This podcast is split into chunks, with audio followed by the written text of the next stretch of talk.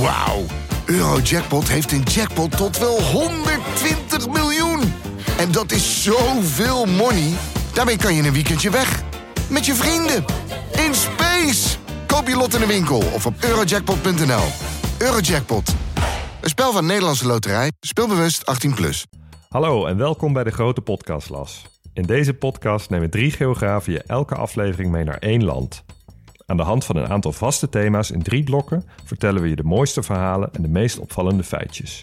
Ik zit hier met collega-geograaf en politiek junkie Leon Boelens en cartograaf en topografie-nerd Max Gerritsen. Mijn naam is Hugo Noordman en dit is de Grote Podcastlas.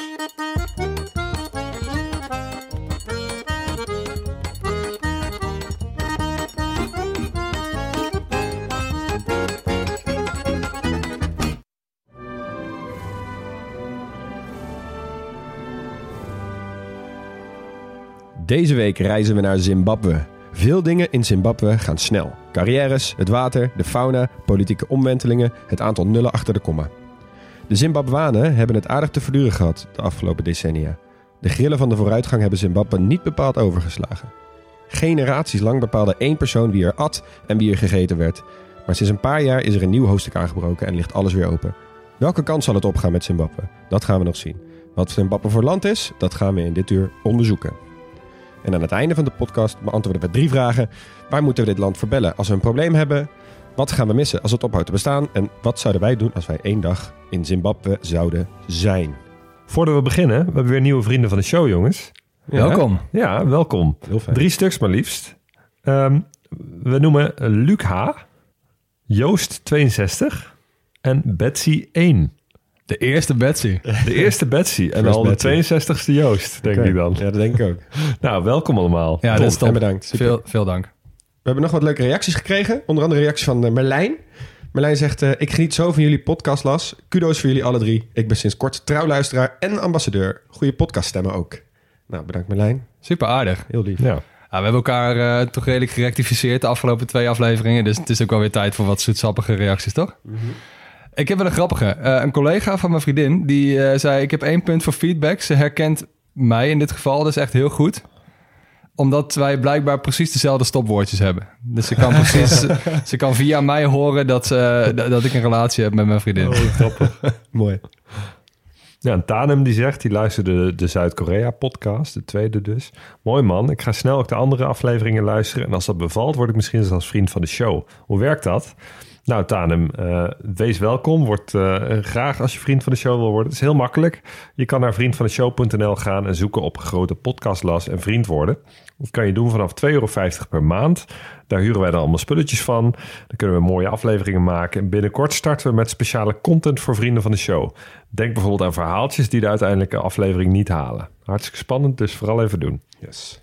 De outtakes. Nou, dat wordt leuk. Zeker. Ja, man, hoe ging de research? Ja, zo, maar oh man. Ik heb natuurlijk een gedeelte moeten onderzoeken over de geschiedenis eh, en over de economie van Zimbabwe. Dus voor mij was het echt regende drup. Maar echt, ik, oh, het, werd echt, het werd echt triest op een gegeven Ja, moment. je hebt niet de meest vrolijke Ja. onderwerpen gehad. Nee, zeg dat. Nee. Nou, ik had onderwerpen die daar dan weer niet zoveel mee te maken hadden. Maar het was best wel lastig om, om de, de voor de hand liggende dingen heen te onderzoeken, zeg maar. Ja. Alles wijst toch al heel snel naar, naar één periode uit de geschiedenis... en één figuur die daar een belangrijke rol in speelde. Ja, precies. Nou, let's go dan. Oké. Goed, het paspoortje. Beginnen we even mee. De ligging. Zimbabwe ligt in zuidelijk Afrika. Grenst aan Mozambique, Botswana, Zambia en Zuid-Afrika. En dan ben ik heel even benieuwd naar jullie. Wat is de langste grens? Wauw. Ik denk Mozambique. Dat wilde ik ook zeggen. Ja, wat goed. Ja. Ja, nice. Oké, ja, heel veel mensen denken misschien dat het een hele lange grens met Zuid-Afrika heeft, maar dat is de kortste. Dus, ja, dat eh, komt omdat er nog eh Swaziland tussen zit, toch? Hey, eh, Nee joh. Nee, heel Swaziland ligt echt een stuk verderop. Oh. Ja, en Zimbabwe grenst dus ook niet aan de zee. Nee, zogenaamde landlocked country. Ja, Kazachstan was de grootste. Eh, Zimbabwe is er dus ook eentje. Nou, de oppervlakte van Zimbabwe is ongeveer 9,5 keer zo groot als Nederland. Ongeveer net zo groot als Noorwegen. Oké. Iets andere vorm. Maar dat is iets andere vorm. Beetje meer. Ja, Noorwegen is gigantisch lang en Ja. eh, Zimbabwe is eigenlijk best wel rond. Ja. Ja, dus ehm, nou, dat over de oppervlakte. De inwoners eh, ongeveer 15 miljoen. En de hoofdstad is Harare. Daar wonen ongeveer 3 miljoen mensen. Ja. 85% is christen. En de taal, ehm, er wordt, eh, ik noem even drie grote talen. Eh, het Engels natuurlijk, hè, de overheidstaal. Ja. En ehm, je hebt het Shona en je hebt het ehm Ndebele. Oké. Er zijn ook wel de naam van stammen. Eh, Engels is maar bij 1 op de 20 de eerste taal, maar 89% spreekt het wel vloeiend. Alleen de. Seychelles in Afrika heeft een hoger percentage. Oh, maar dat betekent eigenlijk dat zij dus echt een ongelooflijke talenknobbel hebben in dat land. Ja, Beetje een soort België, alleen dan... ja, dat is ook wel redelijk beleid geweest de afgelopen tijd. Ja, enough. Dus ehm, nou, dat zullen we misschien wel zien in de, in de geschiedenis zometeen, in de politiek. Nou, verder de achternamen. Mensen heten vooral Moyo, Nkube en Sibanda. En Moyo, heb ik even opgezocht, betekent leven. Mooi. Prachtig. Mooi, ja. Nou, de vlag vind ik persoonlijk een hele mooie. Horizontale banen, die gaan van boven naar onder. Groen, geel, rood, zwart, rood, geel, groen. Ja. En links staat nog een witte driehoek met een nationale vogel in een ster. Eh, groen staat voor landbouw, geel staat voor de bodemschatten. Dus eigenlijk denk even aan goud. En rood staat voor... Bloed. Hey. Altijd. Zwart staat voor de bevolking en wit staat voor vrede. Dit is een van de landen met de Pan-Afrikaanse kleuren in de vlag. En dat zijn rood, groen en geel. Oké. Wat En betekent dat? En ik vind het best wel tof. Dat is ontstaan uit de Ethiopische vlag. Dat voor heel veel Afrikaanse landen het grote voorbeeld is... omdat zij nooit Oh, zijn ja. gekoloniseerd. Ja, oké. Hoe leuk is dat? Ja. leuk. Wat trouwens ook wel grappig is als je die vlag opzoekt, die nationale vogel die getekend is, die werd wel steeds op een andere manier getekend. En de ene keer net iets de gedetailleerder dan de andere keer. Oh, serieus? Dus soms is het echt zo'n hele mooi gedetailleerde vogel waar echt iemand zijn best heeft gedaan. Soms zijn het echt gewoon zes lijnen. echt hoe, hoe, Maar- hoe een derde groeper een eh, vogel zou tekenen. Maar het moet een adelaar voorstellen, geloof ik. Dat ik vind het nou niet echt op een Ik adelaar vind het meer lijken. een duif. Dan heb jij waarschijnlijk de verkeerde vlag gezien, Neug. Ja. Jezus. Oké, Ja. nou, Lijkt me Leon, laat er even eentje zien. Dit is niet de allermooiste die er is.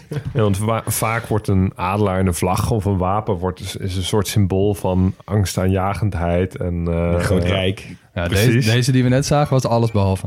Ja, precies. Niet bepaald.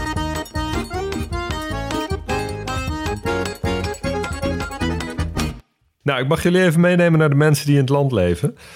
Ehm, Max, je zei al een aantal talen. Ehm, de belangrijkste Shona en Debele. Dat zijn inderdaad ook talen, eh, namen van stammen. Ehm, Shona wordt gesproken door 82% van de mensen. Dus dat is verreweg de grootste bevolkingsgroep en ook de grootste taalgroep. En Debele is ongeveer 14%. Nou, Engels is dus de taal die administratief wordt gebruikt, die in het onderwijs wordt gebruikt en eh, door bijna iedereen gesproken wordt. Ehm, maar de eerste taal is van het merendeel van de bevolking dus Shona. Wat grappig is, Shona is een, eh, is, was, was van origine een vocale taal. Dus die is eigenlijk heel lang niet opgeschreven geweest. Ze hebben pas in de 20e eeuw hebben, ze, hebben de, ehm, de Britten, de, de koloniale overheersers, die hebben die taal gecodeerd. Dus die hebben er letters aan gehangen. Dus die zijn gaan opschrijven wat je hoort. Maar als in fonetisch in het Engels bijvoorbeeld. Ja, Dus een A-geluid is AH voor hen, bij wijze van spreken. Nou, ze hebben het niet helemaal naar de uitspraak van de, van de Engelse klinkers gedaan, maar meer naar de Spaanse klinkers. Dus alle klinkers die worden uitgesproken zoals ze in het Spaans worden uitgesproken. Dus de Logisch. A is altijd een A, E is een E, I is een I, O is een O en U is een U. En dat is heel handig, want ehm, als je Shona leest en je weet dit, dan weet je dus eigenlijk altijd meteen hoe het wordt uitgesproken. Ja, oh ja, zo ja. En eh, een heel erg tegengesteld voorbeeld hiervan is bijvoorbeeld Frans. Een taal die heel lang geleden is opgeschreven. Ja. Ja, maar totaal waar niet nooit meer iets, is, iets aan is veranderd in het schrift. En dus totaal niet meer overeenkomt met hoe je het uitspreekt. Ja. Ja. Nee, precies. Met heel veel stille Nederlands, letters. Nederlands heeft het eigenlijk ook wel een beetje. hè? Dat in Nederlands ook niet echt een fonetische taal. Nee. Nee, maar, eh, maar ook weer niet zo erg als het Frans bijvoorbeeld. Nee, dat is waar. Die, Ja. die, zijn, die maken het wel heel bond. Maar dat is wel fijn als je, als je een, een krant in Shona leest. Ehm, die zijn er overigens niet veel, want de meeste kranten zijn Engels. Dan zul je die best wel makkelijk kunnen voorlezen op een manier zodat iemand die Shona spreekt dat ook kan verstaan. Ja, leuk. Ja, ik vond het toen ik in Tanzania was, met Swahili ook wel heel erg. Dat is ook een, vrij fonetische taal. Nou, Leon, je gaat binnenkort naar Kenia, dus Ja. eh, jij mag het gaan proberen. Keep lefty. Nou, die andere taal, die ehm eh, debelen, die veel wordt gesproken, dat is de, de eerste taal die we tegenkomen waar klik-elementen in terechtkomen. heel vet. Dat vind ik zo magisch iets altijd. Ja, dat is heel vet. Ehm, we gaan het even proberen voor te doen. Oké, succes. Ehm, eigenlijk worden die kliks allemaal gemaakt door je tong tegen je gehemelte aan te leggen en dan snel terug te trekken. Ja, en dat kan op verschillende manieren. Eh, dat kan door je, door je tong helemaal op je gehemelte eh, te leggen en dan terug te trekken. Dan krijg je een soort... Je kan inderdaad meer, meer dat plopgeluid Ja. Ja, ja precies. Ja. nou, en eh, die worden eigenlijk gebruikt als medeklinkers, dus midden in woorden. Nou, het is best wel, ik heb in het Engels best wel eh, moeite soms met het uitspreken van de, van de th in, die- midden in een woord. Birthday. Ehm, ja, birthday. Eh, laat staan als ik ineens een klik midden in een woord moet doen. Dus Ja. dat gaat mij niet lukken. Maar het, het klinkt wel heel bijzonder. Het maakt die taal ook wel heel uniek daardoor. Kunnen we een stukje laten horen? We kunnen zeker een stukje laten horen. So for of us, we've got the click in the letter P. Our P, it sounds like p, p. like the name Ip Apa, Ip Eni, Ip Ipi, Impolom Polom, Op Opai. Our C, it sound like like the name Ela, Iqiqi, Cula, Qiqilia, Colombia, Canada, Coca-Cola. Our X, it sound like like the name Oka, Ingoka, Ukam, Roma, Kosa. And we've got letter Q. Our Q, it sound like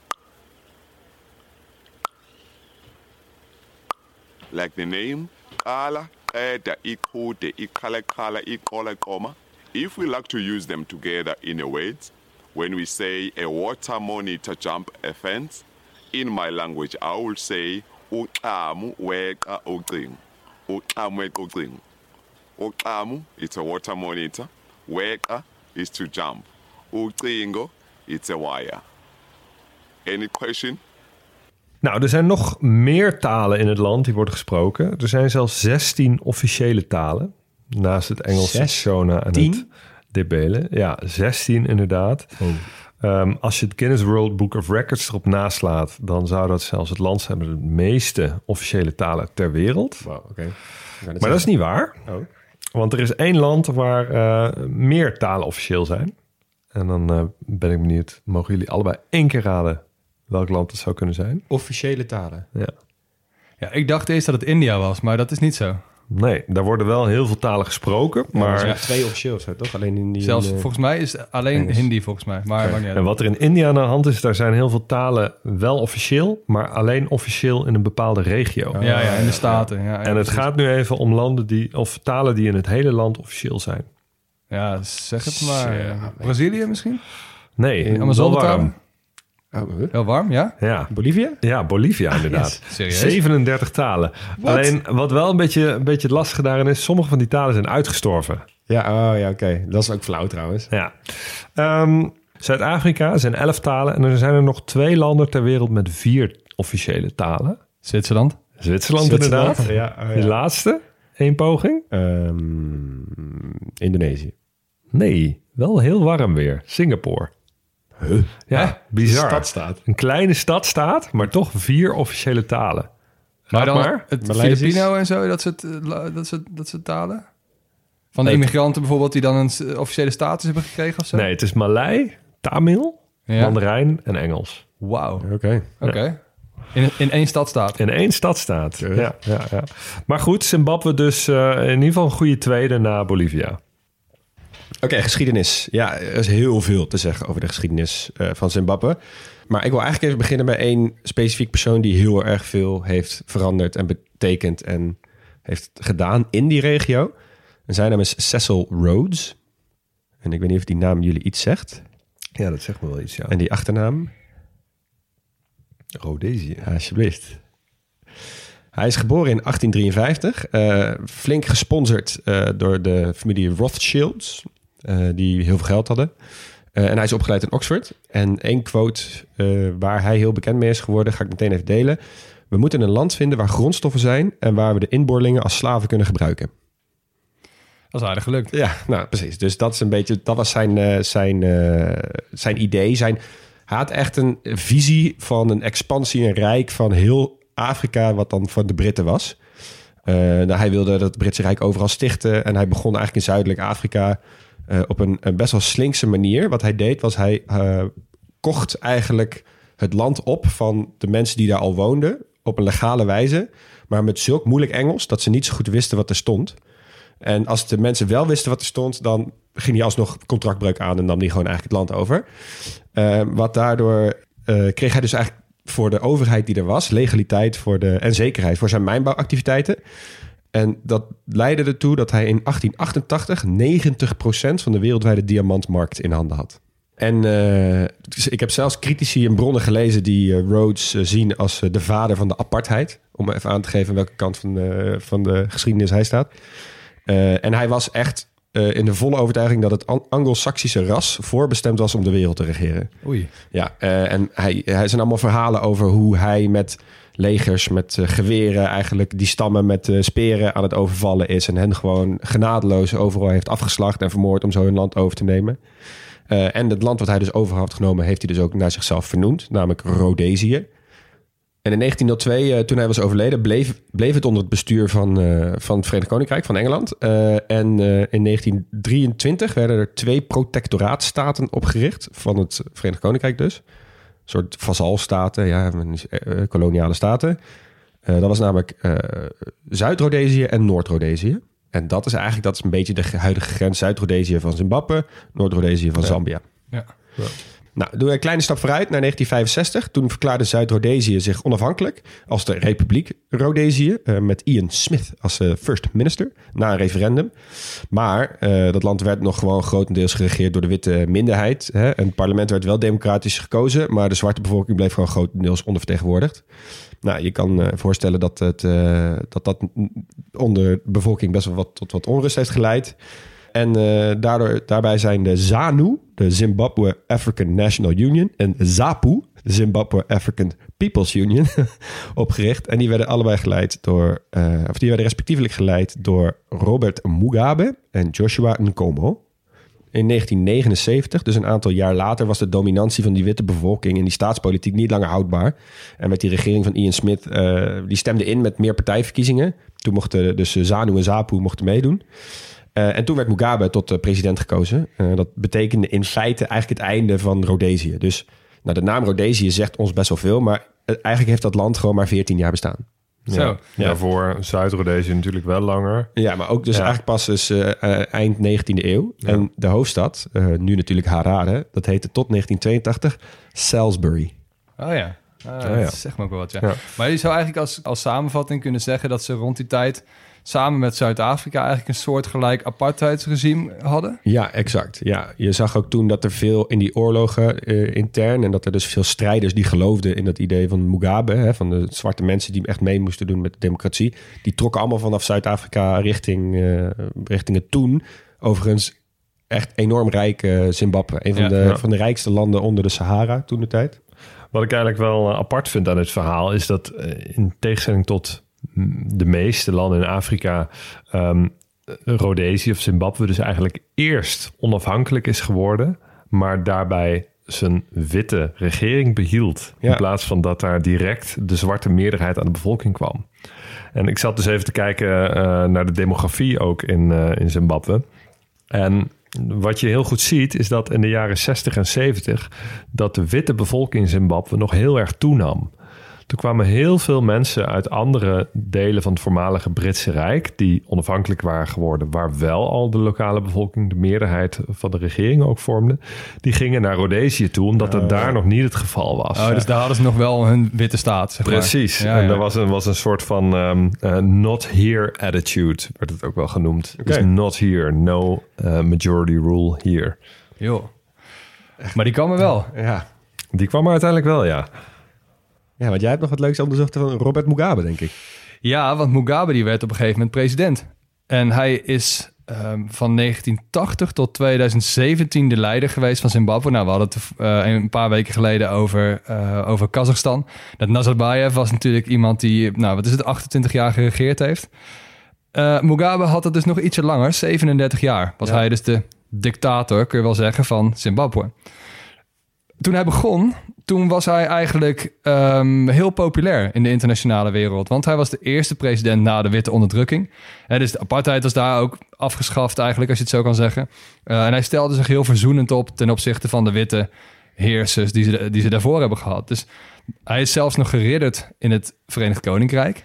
Dat kan je je ook niet meer voorstellen. Daar zijn ze ook wel redelijk van teruggekomen. Maar hij Sir was Robert Mugabe. Sir Robert Mugabe, ja. En in de eerste jaren dat hij president was, eh, draaide de economie eigenlijk heel goed. Hij, had, nou, ja, hij voerde echt een onderwijspolitiek.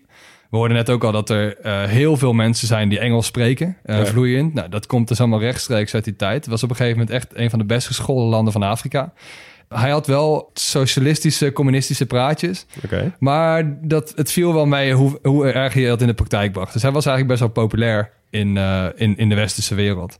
Niet dat hij, eh, ik het zeggen, want normaal gesproken in die tijd als er iemand een beetje socialistisch, marxistisch neigde te gaan, dan kwam de Verenigde Staten alweer binnenvallen met, met een teampje fossiels en wat, eh, en wat eh, buitenlandpolitiek. Ja, nou, dat was bij hem niet echt nodig, want dat viel er zo mee. Hij, was niet, eh, hij had geen hamer op, eh, zeker op de vlag gezet. Maar hij begon wel steeds meer dictatoriale trekjes te krijgen. Dus die- denk aan repressie tegenover de oppositie. Ja, ja. Ehm, hij maakte eigenlijk best wel veel vijanden. Hij was zelf een Shona, hadden we het net over. En ehm, nou ja, die Ndebele, dat, waren zijn, eh, nou, dat was echt de oppositie. Zapu was ook wel geleerd aan die bevolkingsgroep. En tussen 1983 en 1987 zijn onder zijn leiding wel eh 20.000 Ndebele vermoord en verkracht. Dus eh nou, gigantische aantallen. Eh, en het zure daar eigenlijk bij was dat het Westen heel lang heeft weggekeken voor zijn misdaden. Ehm, of in ieder geval het heel lang niet heeft willen zien, toegeven, berichten. eh, omdat hij natuurlijk nog best wel een populair persoon was. En men vreesde eigenlijk die negatieve publiciteit. Dus moordpartijen op die andere stam, die werden eh, zeker door bijvoorbeeld NGO's een jaar lang geheim gehouden. En op deze manier heeft hij ongestraft toch wel zijn gang leren gaan. ja. Nou, de ommekeer van die populariteit was eigenlijk op het moment dat hij ehm, de boerderijen van de witte Zimbabwanen ging onteigenen. ja. En toen hij zijn land in een oorlog met, eh, met Congo stortte. Nou, dat was rond de eeuwwisseling ongeveer. En dat deed hij eigenlijk om het, om het leger te pleasen. Dus hij wilde ehm, de bodemschatten van Congo veiligstellen. Even voor de, moeten we wel even voor de luisteraars definiëren welke Congo we het dan over hebben? Democratische Republiek Congo. Ja, absoluut. Toen nog Zaire natuurlijk. Ja.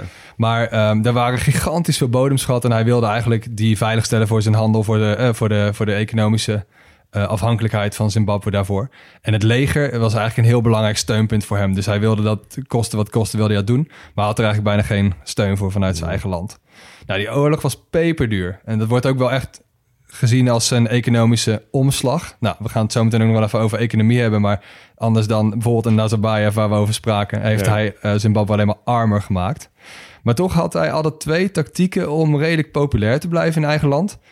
Ten eerste was het de eer opeisen van iets wat hij zelf eigenlijk niet gedaan had. En ten tweede was eigenlijk alle slechte zaken ontkennen die hij deed. Nou, redelijk effectief natuurlijk voor een, voor een dictator. Ja. Maar hij heeft bijvoorbeeld ook een economische crisis ontkend die op een gegeven moment is ontstaan. Eh, er was zelfs op een gegeven moment een, eh, een, een cholera-uitbraak waar duizenden mensen stierven. Waarin hij tegen de buitenwereld zei dat hij alles onder Ja, controle precies, had. is er niet. Ja. Dus hij was eigenlijk ontzettend manipulatief. En ook in internationale zin. En dit vind ik wel echt heel interessant, want hij staat er wel onbekend dat eigenlijk alle eh, toespraken die hij deed in internationale zin, dat hij daar wel een soort van kern van waarheid in betrok. En ehm, ik zal er even een paar voorlezen. Tijdens het verdrijven van de witte uit die boerderijen bijvoorbeeld, ehm, heeft hij op een gegeven moment gezegd: hoe durven landen die Indianen, Eskimo's en Aboriginals hebben verdreven, ons de les te lezen? Ja. Nou, dan heb je dus best een. Dat is gewoon, dat is gewoon fight fire with fire. Dat, Precies, in principe precies. zeg je zelf ook gewoon, ja, wij doen het ook, maar jullie doen het ook. Dus Ja. je mag niks zeggen erover. Nou, Hij kreeg op een gegeven moment geen leningen meer doordat hij eh, van, het, IM van de IMF, Internationaal Monetair Fonds, omdat hij die oorlog met Congo aan het uitvechten was. Ja. En eh, hij zei dat het het doel was van het IMF om de derde wereld te belemmeren in hun economische groei. Ja. Nou, ja, ook daar, zeker in die landen, in die, eh, in die regio, is daar best ehm, veel steun voor, voor zulke uitspraken. Ja. Nou, de laatste die best wel ehm, tekenend is hiervoor. In 2007 heeft hij over Bush gezegd. Ehm, nou, Bush had kritiek op hem. Bush was natuurlijk in 2003 eh, zonder hele geldige reden Irak binnengevallen. En hij heeft gezegd... His hands trip with innocent blood of many nationalities. He kills in Iraq, he kills in Afghanistan. And this is supposed to be our master on human rights. Ja, Ja, Zulke uitspraken. precies. Maar dat, ja. ja dat is weer hetzelfde principe inderdaad. Ja. Van eh, kijk naar jezelf. ja, hij is dus 37 jaar aan de macht geweest. En Zimbabwe is daar niet per se beter uitgekomen. Nee, dat kan je ook heel goed zien als je kijkt naar de bevolkingsontwikkeling. Dat is wel, eh, wel echt bizar om te lezen. Ehm, tot 1980 was Zimbabwe een, eh, een land in, in demografische transitie. Max, je hebt dat in de aflevering over Tunesië... heb je het demografisch transitiemodel mooi uitgelegd. Ja. Voor de luisteraars, als je dat nog even wil terugluisteren... ga even naar Tunesië. Ehm, een, eh, een transitie waarin ze zich bevonden, dus van een, eh, van een hoog geboortecijfer, een hoog sterftecijfer, naar dalende geboortecijfers, dalende sterftecijfers. Maar wat het gekke is, dat eigenlijk na 1980 Zimbabwe als het ware terug is gegaan in die ontwikkeling. De sterftecijfers gingen weer omhoog. De gezondheidszorg was onder Mugabe zo verschrikkelijk slecht. Ehm, en dat zie je bijna nergens anders ter wereld. Dat Nee. sterftecijfers eh, weer toenemen. Dat dat, dat dat zeg maar wordt teruggedraaid, die Ja, ontwikkeling. Dat je echt een stap terugzet in die, in die demografische transitie. Ja, ja. Oh. De geboortecijfers ble- bleven wel hoog, maar door dat hoge sterftecijfer is de bevolking eigenlijk maar heel beperkt gegroeid in Zimbabwe Ja, in die zo. tijd. In eh, 1980 was de levensverwachting 60 bij geboorte. In 2006 bereikt het een dieptepunt van 34 jaar en 37 What? jaar voor mannen en vrouwen. Wauw. 34? Ja. Inmiddels is er weer opgekrabbeld naar, eh, naar 60. Dus ze zitten nu eigenlijk weer op het oude niveau van, eh, van 1980. Maar in de afgelopen 40 jaar is er dus volkomen stagnatie geweest... als het gaat om demografische ontwikkeling... en ontwikkeling van, eh, van geboorte- en sterftecijfers. Zo, mijn hemel. hè. Ja. Ja, Nee, dit is denk ik niet de eerste... Of, en ook niet het laatste extreme geval en cijfers die we gaan uitdrukken als het op Zimbabwe aankomt. Nee. Nou, ik zal nog heel even kijken hoe het, ehm, hoe het met ehm, Mugabe is afgelopen. Hij is in 2019 overleden, maar toen was hij al afgezet. Ehm, hij heeft zijn vicepresident in 2017 ontslagen, Emerson Mnangagwa. En eh, men zegt ook wel eigenlijk om zijn vrouw hem te kunnen laten opvolgen. Ja. Nou, die Mnangagwa die was erg populair bij het leger. Dus ehm, het leger heeft hem gewoon weer in de regering gezet. En eh, als gevolg daarvan zijn er heel veel mensen de straat op gegaan. Groot protest kunnen veel mensen misschien, misschien nog wel herinneren. Ja. Ehm, en hij is toen eigenlijk afgezet door zijn eigen partij. Nou, in 2019 is hij overleden. Was dat niet ook eh, tijdens die coup in 2016 dat er iemand op die nationale tv verscheen en zei: This is not a coup? ja Zondag met Lubach heeft daar een mooi item over gemaakt. Dat is echt een legendarisch stukje. Er staat gewoon iemand in een lege uniform met een lege hoedje en die zegt: Nee, nee, nee, nee, nee dit is geen lege coup. Nee, joh, daar hebben Gewoon een het over. verkleedfeestje. Ja, precies. Ja. Nou ja, en nu is er maar één groot vraagteken. Wat het, eh, wat het gaat brengen.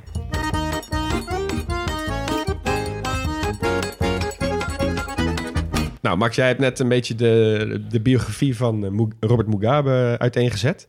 Ik wil het daar even overpakken, want hij is natuurlijk heel belangrijk geweest en eh, bepalend geweest voor de economie van Zimbabwe.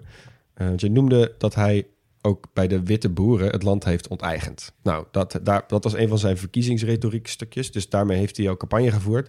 Op een gegeven moment was hij natuurlijk aan de macht. Ging dat in zijn geval nog veel te langzaam. Wat hij wilde was die landhervorming. Die was van oudsher gericht op het herverdelen van land dat eigendom was van witte naar zwarte boeren. Hè? Dus hij vond zwarte boeren moeten dit land kunnen cultiveren. Eh, omdat hij zei dat zijn koloniale fouten uit het verleden. Dit is in de periode dat hij ook heel erg geliefd was in Afrika. En ook eh, van buitenlandse leiders die zeiden: ja, oké, misschien heeft hij hier wel een punt. Ja. Die landverdeling ging heel traag. Want dat was niet iets wat heel veel witte boeren vanzelfsprekend eh zouden doen. Hè? Want er is natuurlijk gewoon wel veel geld in te verdienen. Nou, toen heeft hij dus rond de, het jaar 2000 ongeveer heeft hij gezegd... Toen stond hij onder veel politieke druk. Eh, dus wat hij toen heeft gezegd is... eh, ja, misschien moeten we wel eh, met wat meer geweld... die land van de witte boeren veroveren. Ja, maar dat gaat maar niet snel genoeg. het gaat maar niet snel genoeg. En hierna is dus met steun van Mugabe... heeft dus een mix van regeringstroepen en burgerwachten... echt zo'n schimmige groep... waarvan je niet weet hoeveel er nou echt officieel is en hoeveel niet. Heeft dus met heel veel geweld hebben ze dus eh, die witte boeren eigenlijk het land uitgejaagd... en eh, gewoon weg eh, eh, van, van, uit Zimbabwe gestuurd. En dit was ongeveer rond de eeuwwisseling, hè, zei Ja, je? ja, want dat was, dat was dus die periode ook met die ommezwaai en die oorlog. Want dat bleek best wel een controversiële zet, uiteraard. Eh, en hierna werd het dus ook eh, internationaal eh, werd ze echt vet onder druk gezet en werden de sancties ingesteld. Ja. Nou, de opbrengst van het land nadat die zwarte boeren het hadden overgenomen, die liep drastisch terug. En daar kwam nog bovenop dus internationale sancties van die internationale community die had gezegd: oké, hè, misschien dat je niet die witte boeren het land uit moet jagen met geweld. Ja. En kwam daar bovenop die oorlog die jij net zei, waar heel veel geld naartoe ging. En toen kwam iets waar wij Zimbabwe allemaal heel goed van kennen, die hyperinflatie. Ja. Ja. Ik weet niet of je die beelden er hebt gezien en die foto's van al die biljetten die echt bizar waren. Ja. Ik denk echt meteen aan Zimbabwe als ik, dat, als ik die term hoor. ja. Argentinië is er nog eentje. ehm Weimar Republiek in Duitsland denk je dan aan. Ja. Maar, maar Zimbabwe is wel echt de meest Ja, extreme dit, dit versie. speelde toch? zich natuurlijk ook af in een tijd dat wij leerden wat inflatie was. Op, op, toen wij economie kregen op middelbare school, toen was Ja. het een beetje aan de gang. Ja, ja precies. Ja. Dat was voor ons heel interessant. Ik, eh, en die ernst van die hyperinflatie was over het algemeen te wijten aan eh, heel veel corruptie binnen de regering van Mugabe. Los van dus alles van, wat van buitenaf werd eh, opgelegd. Misschien goed om even een definitie te geven van hyperinflatie. Nou, normale inflatie is dus dat, dat, je, dat de producten stijgen in prijs. Hè? Dus een, een brood wordt, stijgt 2% in, in prijs in een jaar. Dus wordt van 1 euro wordt het 1,02 euro. Nou, dat is normale inflatie. Hyperinflatie kent dit soort prijsstijgingen per dag. Dus dat een brood op de ene dag 1 euro is en de volgende dag 1,05 euro. En dan de dag daarna ineens 1,15 euro. En zo per dag wordt dat dan een stuk hoger. Dus je kan je voorstellen wat dat voor gevolgen heeft voor de inwoners van dat land. Ja, dus je spaargeld, dat verdampt eigenlijk. Dat is ineens niks meer waard. Ja, dus zeg maar een eh, luisteraar, René, die, heeft een, eh, die was in Zimbabwe, een beetje rond die tijd. Eh, in die tijd werden telefoonrekeningen betaald met dozen papiergeld. Of simpelweg niet betaald, eh, want een week later was het toch weer ni- niks meer waard. Ja.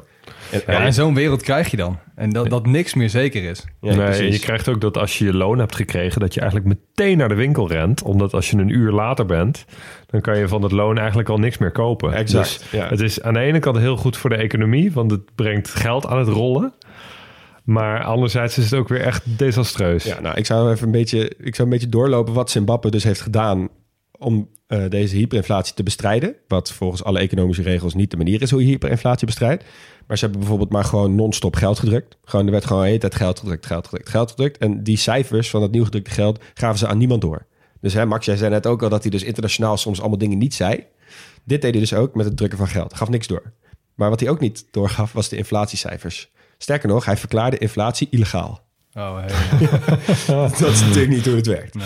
En, en die, die, die, die scheefgroei die werd op een gegeven moment zo raar dat die biljetten niks meer waard werden. Dus wat hij deed, was hij had, wat ze daar, de valuta die ze daar hadden, was de ZIM-dollar.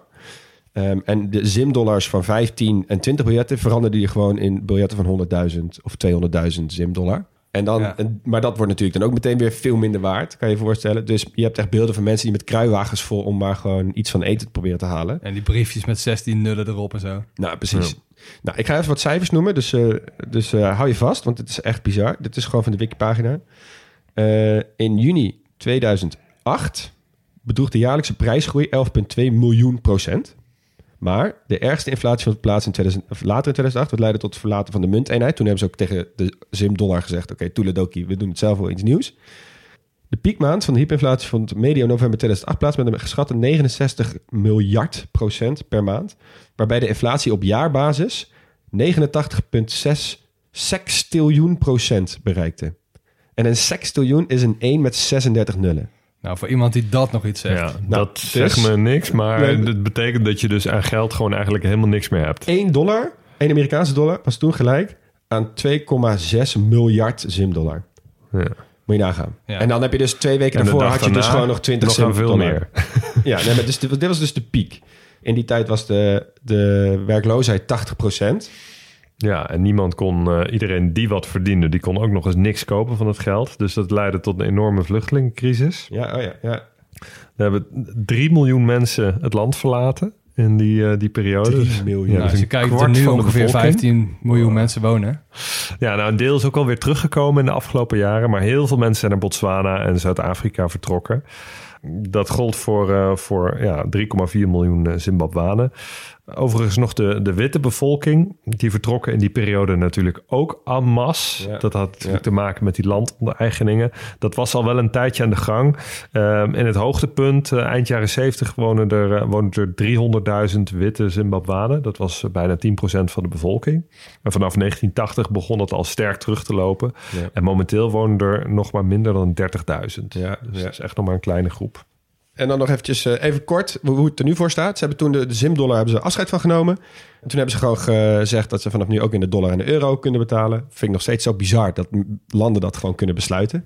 Ja, dat- nu is de dollar gewoon een, een, een, een wettig betaalmiddel in ons land. En dat jij daar je dan tegenhouden. hè? heen kunt gaan en met je euro gaat betalen. Ja, dat kan gewoon dus. Echt heel raar. Maar goed, maar toen, eh, toen zeiden ze nog... ja, we gaan geen nieuwe ZIM-dollar maken, bla, bla, bla. Eh, dat hebben ze in 2019 eh, wel aangekondigd. Eh, en in juli 2020 bedroeg de inflatie 737 procent. Dus ze gaan gewoon weer terug. Dat lijkt me ook niet gezond. Nee. Dus, maar nu kun je dus nog wel met die buitenlandse e- munteenheden betalen. Dus ja, het is gewoon lastig. Moet je nagaan, hè? als mensen het vertrouwen verliezen in de waarde van geld, Ja. dan ben je echt ver van huis. Weet je Ja. wat je dan krijgt? Komt een quizje. Dan krijg je dus een schaduweconomie. Nou, definitie van de schaduweconomie van het IMF. Schaduweconomie omvat alle economische activiteiten die voor de officiële autoriteiten verborgen zijn voor monetaire, regelgevende en institutionele redenen. Dus hè, geen belasting betalen of gewoon alles zwart. Ehm, wat zijn de drie grootste schaduweconomieën ter wereld? Ja, ik heb wel eens over Argentinië gehoord dat dat heel erg... eh, Ik denk dat jullie deze niet gaan raden. Oh, De grootste schaduweconomieën zijn op drie Zimbabwe, op twee Bolivia Ah, en op één Georgië. nee. joh. Huh. Ik vond het zo raar toen ik dit las. Oké, Ja. ik, ik, ik geef les aan de universiteit. Correlatie versus causatie. Ja, echt hè? Hoe meer talen, hoe meer... eh, Ja, precies. Oké. Ik mag het met jullie even hebben over de natuur in eh, Zimbabwe. Ik denk een, een fijner onderwerp, denk ik. Ja, nou inderdaad. In ieder geval iets heel anders. Ja. Ehm, we moeten het even hebben over de Victoria Falls. De beroemde watervallen op de grens eh, tussen Zimbabwe en Zambia. Ja, we hadden ze ook voor Zambia kunnen bewaren. Maar goed, eh Zimbabwe staan ze ook mooi.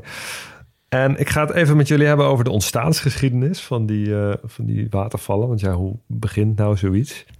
Nou, vroeger lag Zimbabwe en eh, Afrika als continent op een supercontinent, namelijk Gondwana, samen met Zuid-Amerika, Australië, Antarctica, India. Dat lag allemaal bij elkaar.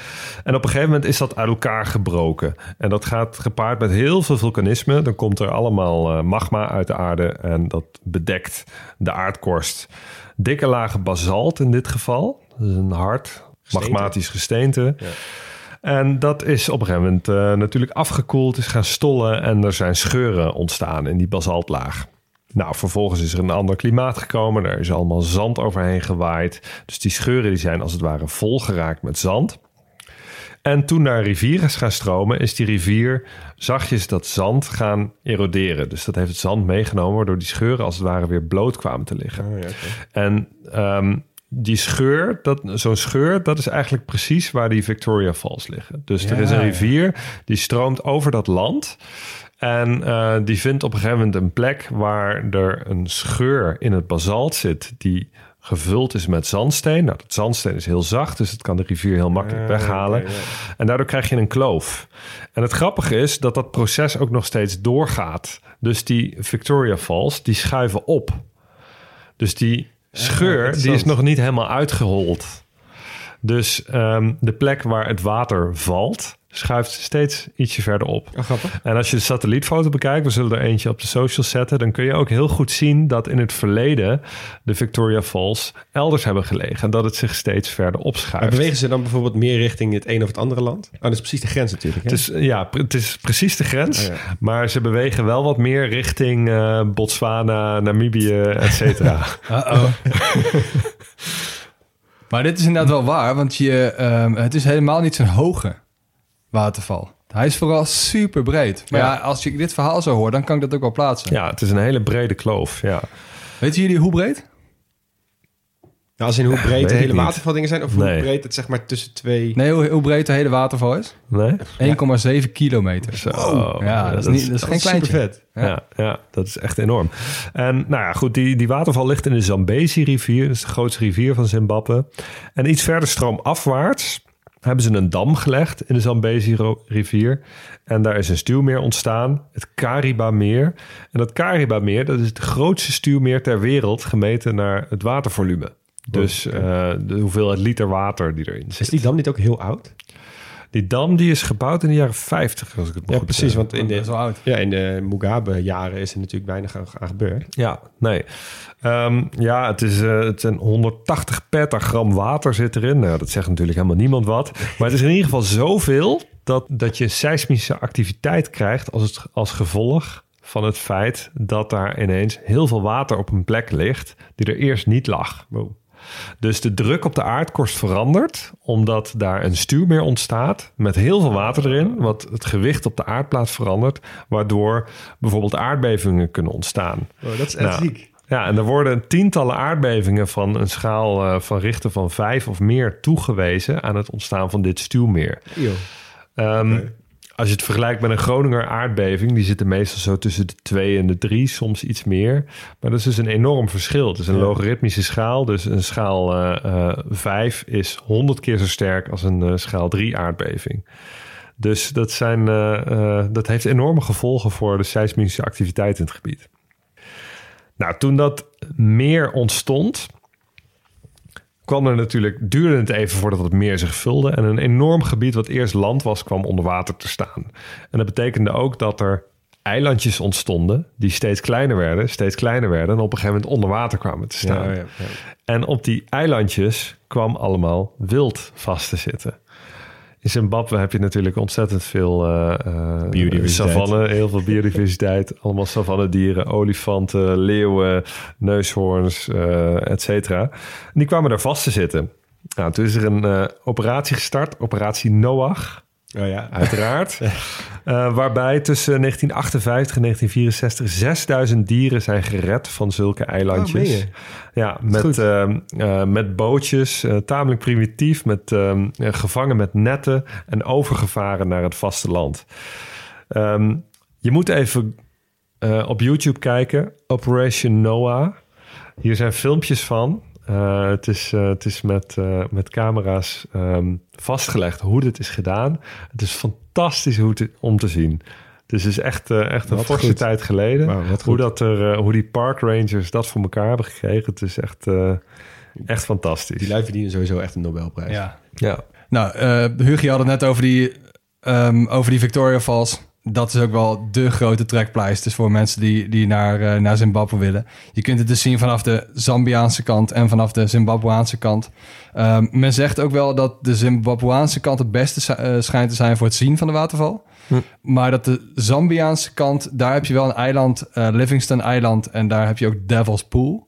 En Devil's Pool is zo'n plek waar je gewoon, waar het water Ehm, je kunt daar gewoon in een soort zwembadje, een natuurlijk zwembadje liggen. En je kunt daar op je buik liggen en dan over de rand van de waterval Oh, ja. kijken. Nou, ik weet, Ja, ja. jij bent nogal een hoogtevrees, ja, dat hoeft voor mij niet. eh een hoogtevrees eh, hebbend persoon. Ik blijf wel aan de Zimbabweanse kant. is goed voor je Instagram profiel die je nog niet hebt. Eh, de Victoria Falls zijn ook wel een van de Seven Natural Wonders. Oh. Opgesteld in 2008, de lijst op reactie van de Nieuwe Wereldwonderen. Ja? Eh, gaan we heel even een klein quizje doen. Hebben jullie enig idee welke daarop staan? Goh, wereldwonderen zeg je? Nee, natuurlijke Ja, wereldwonderen. dat, dat ik. Ehm, ja. Staat, staan niet ook die andere water, Niagara Falls, staat die er niet ook op? Nee, Mount, dat is moeilijk hè deze? Mount Fiji? Nee. Oh, Everest? Ja, de Everest staat erop. Oh ja, Eh, dat is op zich. Marianne toch? Nee, Misschien eh de gijzerlandschap op eh, IJsland? nee. Mag nog één poging doen? Eh, Patagonië? Nee. Geen idee? Nee. Het is het Noorderlicht. Oh ja. De ehm Haartse. baai van Rio de Janeiro. ja. Oké. De Grand Canyon. De Great Barrier Reef. Oh ja. eh. De Everest dus. En Paricutin in Mexico. Ja. Mooi lijstje, hè? Ja. mooi lijstje, bijzondere plekken, maar Ik ben het er niet helemaal 100% mee eens. Nou, nog even een laatste feitje over eh, de Victoria Falls. Het schijnt dat het water zo hard en zo hoog opspat... dat je het vanaf 50 kilometer afstand kunt zien. Wow. dat is echt ziek. Dat is super.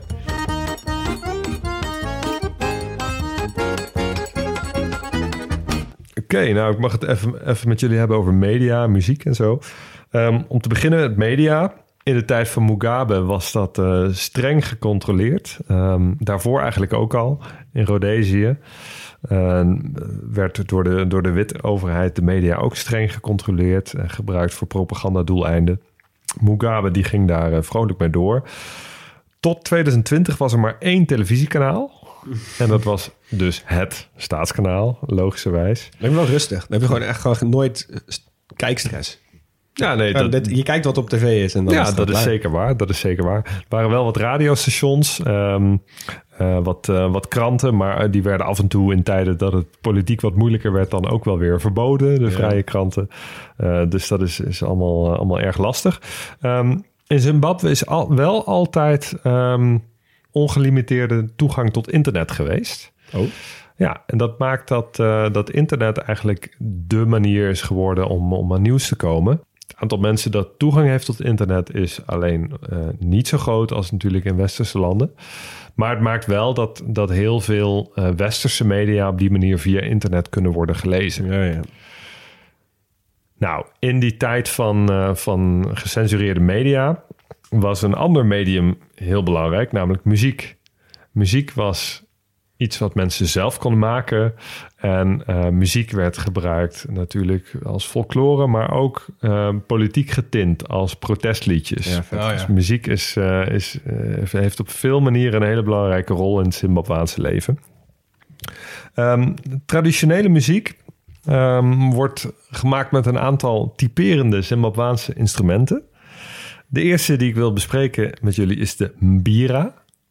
Dat is eigenlijk een soort tokkelinstrument. Het is een klein houten plankje met daarop metalen Toetsen, soort van? ja, metalen toetsen eigenlijk. Die je kan plingelen als het ware. Die je kan, met Ja, je vinger ja, kan, ja. kan bespelen. Zo'n handpiano. Ja, dat is een tamelijk zacht klinkend instrument. Dus je legt het vaak in een half uitgeholde kale bas. Zodat je een soort Versterker resonerende versterking hebt. En dat speelt een belangrijke rol in, in Zimbabwaanse muziek, maar ook in allerlei rituelen.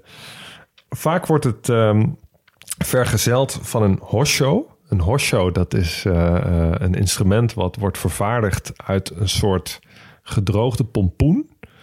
Ehm, pompoenachtige vrucht. Dus een steeltje met daaraan een vrucht met zaadjes erin. Nou, als je dat droogt kun je je voorstellen, dan ontstaat er een, een holte.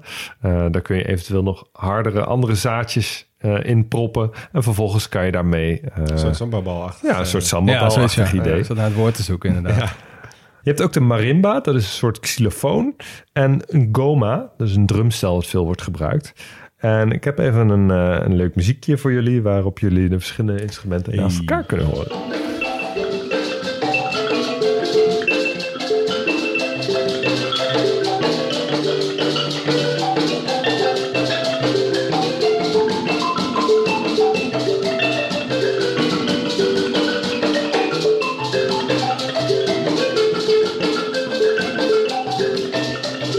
Gewoon precies wat ik had verwacht bij... eh, ik, ik, als ik dit hoor, dan zie ik gewoon meteen mezelf op een strand liggen. Die ze niet Die hebben. ze niet hebben. Maar ik, snap je wat ik bedoel? Het Ja, klinkt, tuurlijk, klinkt ja. op Caribisch of zo. Ja, weet je wel. Ja, ik vind het heel tof. Ja, zeker. Eh, nou, als ik het heb over Zimbabwe en ik heb het over eten... weten jullie dan waar, welke richting ik dan op wil? Ik heb eigenlijk helemaal geen idee. Ik ook niet. Nou, het is eh, vrij simpel, want deze kunnen we lekker voorhouden... voor ongeveer alles ten zuiden van Kenia. Het is namelijk ugali. Oh ja? Ja, echt. Ugali is eigenlijk niks anders dan... Ja, nou, Max, misschien wil jij het even uitleggen, want jij hebt het veel gegeten. Ja, het is, het is maismeel waar ze een pap van maken. Precies, het is een soort dichtgeklapte maispap... eh, waar je dan ook weer allemaal dingen in kan doen. Eigenlijk ten nagelang wat je beschikbaar hebt. Het is super goedkoop en super voedzaam. Ehm, maar je hebt ook, als je naar de Ugali wiki gaat... De eerste zin is gewoon, dit is Ugali. En het tweede hoofdstuk is gewoon... dit zijn alle honderdduizend namen onder wat Ugali bekend staat in die hele regio. Ja, in, in Malawi bijvoorbeeld ken je het onder een Zima. Ehm, volgens mij heeft elk land wel weer zijn eigen naam. Ik vond het best wel lekker, maar wel voor een paar keer. Ja, Als je het elke dag eet, dan het is echt een steen in je maag. Ja, het is ja. echt heel Ja. zwaar ook. Maar is dat ook een echt dagelijkse kost? Ja, dat is wel eh, vooral ook zeg maar voor de natuurlijk voor de wat, meer afgelegen dorpjes, wat meer armere gemeenschappen is het een stuk makkelijker te maken en te verkrijgen. Eh, en heeft ook weer te maken met die geschiedenis. Hè. Vroeger was Zimbabwe echt een graanschuur voor Afrika, vet voor geëxporteerd voedsel. Tegenwoordig moeten ze heel veel dingen importeren en dat is ook weer dus te maken met die, nou, met die eh, geschiedenis en die eh, politieke situ- of economische situatie daar. Ja. Verder is het kip en kleine groentes die ze op het land kunnen bouwen. En that's it echt. Ehm, ja, dan is eh, bier natuurlijk. In heel Afrika wordt ook gewoon bier gedronken. Maar gelukkig eh, drinken ze er ook wawa. Dat is een eh, traditioneel maisbier. Wederom Ja. mais. De vloeibare versie van Ugali. Ja, precies. Oké, dan zal ik hem even afsluiten met het hoofdstukje sport. En daar openen we altijd met de Spelen. Oh ja. Winterspelen kan ik heel even kort over zijn. Ze hebben ooit een keer een skier naar de Spelen gestuurd. Maar dat was eigenlijk een van die mensen van de witte eh, minderheid... die eh, al heel vroeg naar, eh, naar, naar Europa is gegaan. Dus daar gaan we het even niet over hebben. We, halen, we hebben het even puur over de zomerspelen. Zeg het maar. Hardlopen? Nee. Ze zijn meer in de hooglanden, hè? meer in de richting Kenia. Ja, ik, ik weet toevallig dat zij ooit goud hebben gewonnen met hockey. Daar ga ik het over hebben. Wat? Ja. Echt? Ja. Wanneer was dit? Ja, dan zal ik meteen maar even het quizje ehm, meteen eventjes beëindigen. Ze hebben drie keer goud gewonnen, vier keer zilver en één keer brons. En ehm, even als, eh, als inleiding voor ehm, waar jij net mee kwam, Huug. Ehm, alles, behalve die ene keer goud, is één zwemster. Kirsty Coventry. Meest succesvolle Afrikaanse Olympiër. Zij is een zwemster. Ja, oké. Oh. Zij heeft drie medailles gewonnen in 2004 in Athene en vier in Beijing. En zij heeft toen 100.000 piek cash van Mugabe gekregen.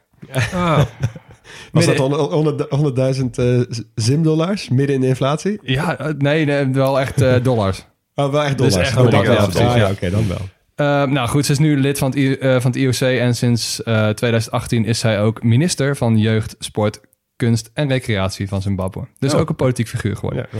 Maar goed, je wacht op het moment, op het verhaal over de hockeyers. Ja, ik ken het niet, dus ik zit er nu al te genieten. Ik Ah, ga dit, is, dit is wel echt, we hebben het erboven best wel wat duistere dingen gehad. Dit is wel echt een leuke om mee af te sluiten. Want de Spelen van 1980 werden gehouden in? Los Angeles? Nee. Moskou. Moskou, ja. En ehm, het probleem was met Moskou was dat het de eerste spelen waren in een communistisch land. Maar het probleem was dat Amerika, of tenminste de, de Verenigde Staten, zei op een gegeven moment: joh, eh, communistisch land, daar gaan wij niet heen. Eh, wij boycotten deze spelen. En met hun ook heel veel andere landen. Dus eh, er deden maar 80 landen mee aan die spelen. Dus echt ehm, daarna nooit meer zo laag geweest. En ehm, dat deed natuurlijk ook wel wat voor de deelnemende landen. Ja, ja. Favorieten? De erkende hockeylanden waren natuurlijk allemaal Gemene bestlanden. westerse landen. Exact. India, Pakistan, Nederland. Nou ja, vooral Nederland, West-Duitsland en de VS waren bijvoorbeeld favorieten. Maar ja, die deden dus niet mee. Ja. Dus ehm, op een gegeven moment hadden ze alleen de Sovjets om te spelen. Maar ja, dat is, dat dan heb je geen toernooi. Dus ze hebben toen maar een toernooitje samengesteld van allemaal niet gekwalificeerde landen. En op een gegeven moment misten ze nog iemand. Toen hebben ze gedacht, nou, dan bellen we toch gewoon Zimbabwe. Nou, Zimbabwe zei, ja, hebben we wel zin in. En die mocht, ehm, Zimbabwe mocht als Rhodesië nooit meedoen vanwege de apartheid. Dus vanwege het racistische regime dat ze daar hadden. Eh, maar nu mocht, eh, waren ze onafhankelijk en mochten ze meedoen. Nou, dat team is een maand voor de Spelen samengesteld. Nee joh. Allemaal witte Zimbabwaanse vrouwen. Allemaal amateurs. Die hadden nog nooit met elkaar samengespeeld. En ze hadden ook nog nooit op kunstgras gespeeld. En dat moesten ze toen in één keer doen. Dus ze zijn als een gek naar Moskou gevlogen... met een vliegtuig dat normaal voor vleestransport werd gebruikt. Ze moesten op de grond zitten, want er waren geen stoelen. en ze zeiden achteraf dat de stank ondraaglijk was in dat vliegtuig. Nou, Goeie ontgroening. dat toernooi was toen nog één grote poolfase. En ehm, zij hebben de laatste pot moesten ze tegen Oostenrijk en die moesten ze winnen. Eh, en in de rust is de Zimbabwaanse minister het veld opgekomen en hij heeft alle speelsters een os beloofd als ze won. nou, dat moet hem gedaan hebben, want uiteindelijk wonnen ze die wedstrijd met 4-1. En ehm, had Zimbabwe dus goud gewonnen op de Spelen met een team vol amateurs. Wauw. Nou, de Zimbabwaanse, Zimbabwanen thuis waren uitzinnig van vreugde. Eh, en dit wordt gewoon nog steeds gevierd. Wat vet. Dit is zo vet. Ja, vanuit de kritiek, eh, vanuit de sportwereld ehm, kwam er heel veel kritiek. Want ja, het was toch geen echt toernooi. Maar ja, goed, hè, daar had je, had je je, maar geen, moeten doen. had je maar geen boycott moeten Ja. doen. Dus eh, uiteindelijk werd dat in het eigen land ontzettend hard gevierd. Hoe is hier geen film over? Nee, Ja, nou misschien dit- is er wel een dit- mooie dit docu doet me precies denken-. Dit doet me precies denken aan het verhaal van de Springboks, de, de, de Zuid-Afrikaanse rugbiers, die vlak na de afschaffing van de apartheid het WK in eigen land wonnen met een team met uitsluitend witte Zuid-Afrikanen. Waar dus wel een film over Ja. is gemaakt. Dit is precies zo'n verhaal. Ja, precies. Ja, dit leent zich heel goed voor een film. Ja. En ehm, enige nadeel, die os. Ze hebben alleen een verpakte portie vlees gekregen. Konden ze mee terugnemen, het vliegtuig.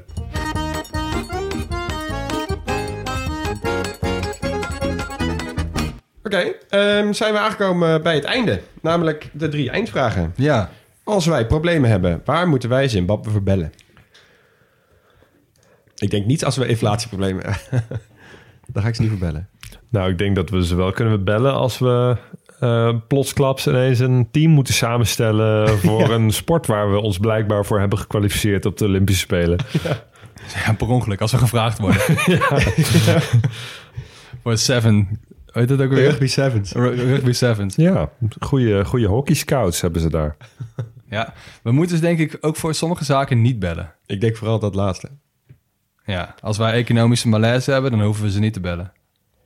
Nee, dat zou ik ook even nalaten. Als wij wat imposante natuurschoon willen hebben, dan zou Zimbabwe ook wel durven te bellen. Ja, maar dan, Ja. dan ga ik meteen gewoon door naar vraag 2. Wat gaan wij missen als Zimbabwe nu ophoudt te bestaan? Ja, ik ben nooit bij de Vi- Victoria Falls geweest, geweest maar ik, ik zou die wel missen. Ik denk Ja, wel. maar dan heb je de Zambiaanse helft nog. hè. Ja, dat is flauw. heb je gewoon één helft. Ja. Ik heb dus toen ik jong was, heb ik dus een eh spreekwoord gedaan over de Victoria Falls. Oh, dus je wist het allemaal al. Ja, die heb ik echt lang niet meer onthouden. Dat is echt groep 6 of zo, hè, waar we het nu over hebben. Nice. Ja, Oh, dat is heel vet toen. Ik zou die, die beesten die ze gered hebben van die eilandjes ook wel Ja, missen. zo, ja, Ja. inderdaad. Daar ga ik Ja. wel even iets over opzoeken inderdaad. ja, want die leven nu allemaal mooi voort. Zimbabwe eh, doet het zeer goed in, de wild, in het preserveren van de wildpopulatie. Oh, Ja, je, kunt daar ook de Big Five vinden. Je hebt daar ook het Hwange National Park. En daar kun je gewoon de Big Five zien hoor. Ja, precies. Ja. En als je nog een beetje een paar van die eh, heldhaftige parkrangers daar rondlopen... dan zorgen ze dat het de komende jaren ook daar blijft. Ja, het schijnt dat Zimbabwe een van de grootste olifantenpopulaties van de wereld heeft. Dus Kijk, die zou ik belangrijk. zeker missen. Ik zou de vlag ook wel missen. Ja, ja. Ik vind het echt een vette vlag. Het is echt een geniale vlag. Oké, je bent één dag in Zimbabwe. Wat, wat ga je dan doen? En dan gaan we toch een keer met z'n drie op pad, denk ja, ik. dat denk ik wel, ja. ik hoef niet per se naar Harare, eerlijk gezegd. Nee, dan gaan we wel naar die Victoria Falls. precies, dus, Ja, ja. Ja. precies. Ik, eh, maar ik zou daar dan ook een vlot pakken of een bootje en dan eh, stroomafwaarts varen. Dan begin je bij die, bij die wilde watervallen en dan kom je langzaam in het rustigere water van het Stuwmeer. Kan je een beetje de wildpopulatie zien, de oevers. Die Ark van Noah spelen. ja. Nou, beste mensen, bedankt voor het luisteren naar de grote podcastlas. Zoals je hoorde zijn we nooit volledig, maar wel origineel. Geen experts, wel liefhebbers. Vind je dit nou een leuke podcast? Stuur hem door naar je vrienden, familie en collega's. Vond je het nou geweldig? Dan kun je ook vriend van de show worden voor slechts 2,50 euro per maand. Daarvan huren wij onze spulletjes en verzekeren we jullie van nog meer afleveringen. Hebben we iets verkeerd gezegd of zijn we iets cruciaals vergeten? Volg ons en laat het weten via Twitter of Instagram op @grotepodcastlas. Volgende keer reizen we naar Albanië. Musara Zvakanaka.